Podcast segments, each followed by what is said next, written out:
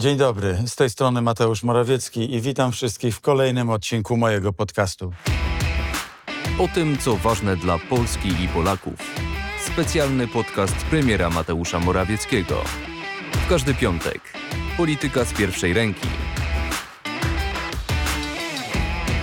Tak się składa, że kalendarzowo znaleźliśmy się pomiędzy dwiema datami, które streszczają w sobie całą historię XX wieku.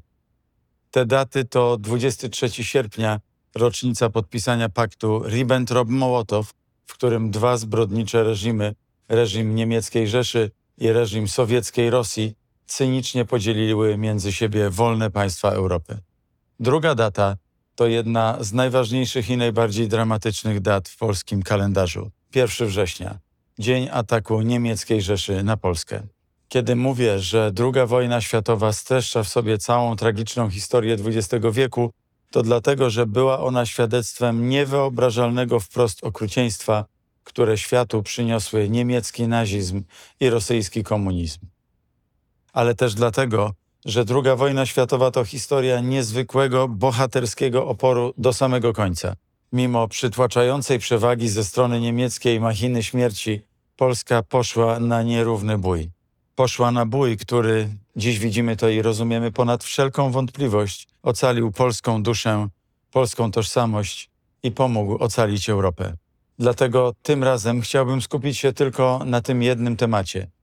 Temacie, któremu mógłbym poświęcić całą osobną serię podcastów. Często II wojnę światową określa się drugą apokalipsą XX wieku. To dlatego, że samo słowo wojna wydaje się zbyt pospolite, aby opisać skalę okrucieństwa i zła, które w 1939 roku wylało się z niemieckiej Rzeszy. W tym sensie to nie była wojna konwencjonalna. To nie była wojna, jaka nieraz zdarzała się wcześniej w historii, gdy dwa państwa ze sobą konkurowały, a działania wojenne były metodą zdobycia przewagi nad tym drugim. To wojna, w której Niemcom od początku do końca chodziła o jedno o zniszczenie. Wielu historyków próbowało udzielić odpowiedzi na pytanie, dlaczego właśnie Wieluń? Dlaczego to małe miasto, całkiem bezbronne, pozbawione jednostek wojskowych, umocnień, obrony przeciwlotniczej, stało się obiektem pierwszego ataku nazistowskich Niemiec? To właśnie Wieluń, Westerplatte i Tczew zostały zaatakowane jako pierwsze. Atakując całkowicie bezbronny Wieluń, niemieckie wojska Hitlera już w pierwszych minutach wojny pokazały, że ich celem było barbarzyńskie ludobójstwo – w nalotach na Wieluń spadło 380 bomb o wadze 46 ton. Trudno w ogóle nazwać nalot na Wieluń działaniem wojennym. To była zbrodnicza rzeźnia na niewinnych polskich cywilach. Dlatego trzeba powiedzieć, że na ironię losu zakrawa to, że w świadomości wielu Europejczyków symbolem destrukcyjnej działalności lotnictwa w czasie II wojny światowej jest niemieckie Drezno. Chyba nie mają świadomości, że Niemcy w ten sposób potraktowali kilkaset wiosek tylko na obszarze dzisiejszej Polski. Mogą za to usłyszeć albo przeczytać wiele niesprawiedliwych i całkiem fałszywych słów o Polakach w czasie II wojny światowej.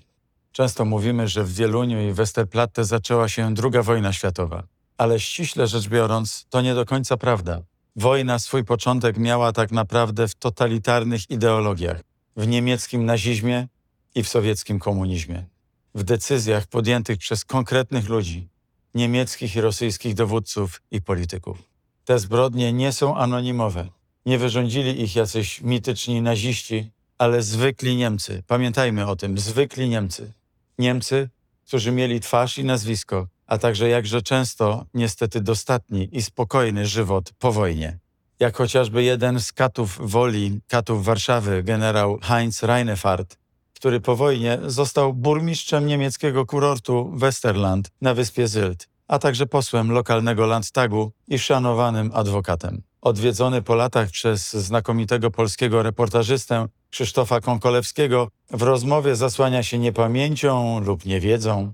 Winę stara się zrzucić na innych lub wręcz podważa ustalone naukowo fakty historyczne. Nie wyraża żadnych skrupułów, usprawiedliwia nawet strzelanie do kobiet i dzieci. Tak, niepamięć kusi, bo jest łatwiejsza. Zwalnia zmierzenia się z prawdą, z trudnym rozliczeniem. Niepamięć winnym pozwala uciec od odpowiedzialności. Procesy norymberskie miały położyć temu kres. Ale Heinz Reinefart to tylko jeden z naprawdę bardzo wielu niezliczonych przykładów, czym tak naprawdę skończyła się II wojna światowa. Skończyła się wielką niesprawiedliwością. Tak jest. Najkrwawsza wojna w historii świata nigdy nie została rozliczona. Naszym obowiązkiem jest wołać o tę sprawiedliwość i o zadośćuczynienie. Naszym obowiązkiem jest nazwać rzeczy po imieniu. A rzeczy mają się tak, że XX wiek został naznaczony przez zbrodnie nie mieszczące się w żadnych kategoriach prawnych. Że ofiary liczy się w dziesiątkach, setkach tysięcy, milionach. Zbrodniarzy, którzy do tego doprowadzili, śmiało można nazwać niszczycielami światów. Druga wojna światowa ma do dziś swoje konsekwencje. Tamten czas zadecydował o tym, czym jest współczesna Europa. To też trzeba podkreślać. Granice wielu państw, w tym Polski, kształt społeczeństw, poziom życia, szanse rozwojowe są bezpośrednią konsekwencją wojny. Stawką wojennej pamięci nie jest więc tylko hołd dla ofiar, ale także przyszłość następnych pokoleń. Polska po wojnie dźwigała się z totalnej ruiny. Można powiedzieć, że Polska po wojnie dźwigała się z własnej śmierci. Wyobraźmy sobie na przykład Krzysztofa Kamila Baczyńskiego, który nie ginie w ruinach Warszawy, ale dożywa sędziwego, być może noblowskiego wieku. Wyobraźmy sobie całe pokolenie inżynierów, naukowców, prawników, lekarzy, którym odebrano możliwość, aby wnieśli swój wkład w polskie i ogólnoludzkie dziedzictwo. Wyobraźmy sobie budynki, całe osiedla i miasta, przedwojenną architekturę, biblioteki, kina i dzieła sztuki, które wszystkie zostały zrabowane lub obróciły się w pył. Oto rachunek straconej, skradzionej przyszłości. Nauka, jaką powinniśmy wyciągnąć, jest taka, że zbrodnie zapomniane, nieopisane, nieosądzone i nieukarane mogą być tylko zapowiedzią kolejnych. Jest w naszej tradycji uniwersalna prawda, że wolność wiąże się niekiedy ze śmiercią, wysiłkiem czy wyrzeczeniem, że wolność jest obowiązkiem i zadaniem, a nie przywilejem. Naszym obowiązkiem i zadaniem jest upomnieć się o ten utracony świat. Naszym obowiązkiem i zadaniem jest mówić wyraźnie, kto był sprawcą, a kto ofiarą. Właśnie dlatego 1 września, jak co roku, stajemy do apelu o godzinie 4.45. Podkreślałem to już kilka razy, ale znajduję głęboki sens w uroczystościach, które rozpoczynają się od stanięcia pośród ciemności. Wtedy, 1 września 1939 roku, nad całą Polską zapanował mrok. Mrok wojny. I podobnie jak nasi przodkowie, my też wyglądamy świtu. Oni tego świtu nie zobaczyli przez 6 lat wojny, a później przez 45 lat komunistycznego zniewolenia. Dziś, po 83 latach, które upłynęły od ataku nazistowskich Niemiec na Polskę, wiemy, czym jest ten świt. To nie tylko świt wolności, to nie tylko wolność, to także sprawiedliwość, o którą musimy się dopominać również teraz. Stańmy do tego apelu 1 września.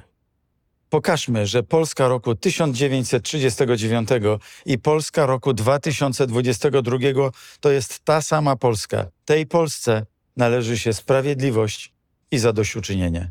Dziękuję za dziś i słyszymy się za tydzień. Podcast jest dostępny w serwisach Spotify, Google Podcast oraz Apple Podcast.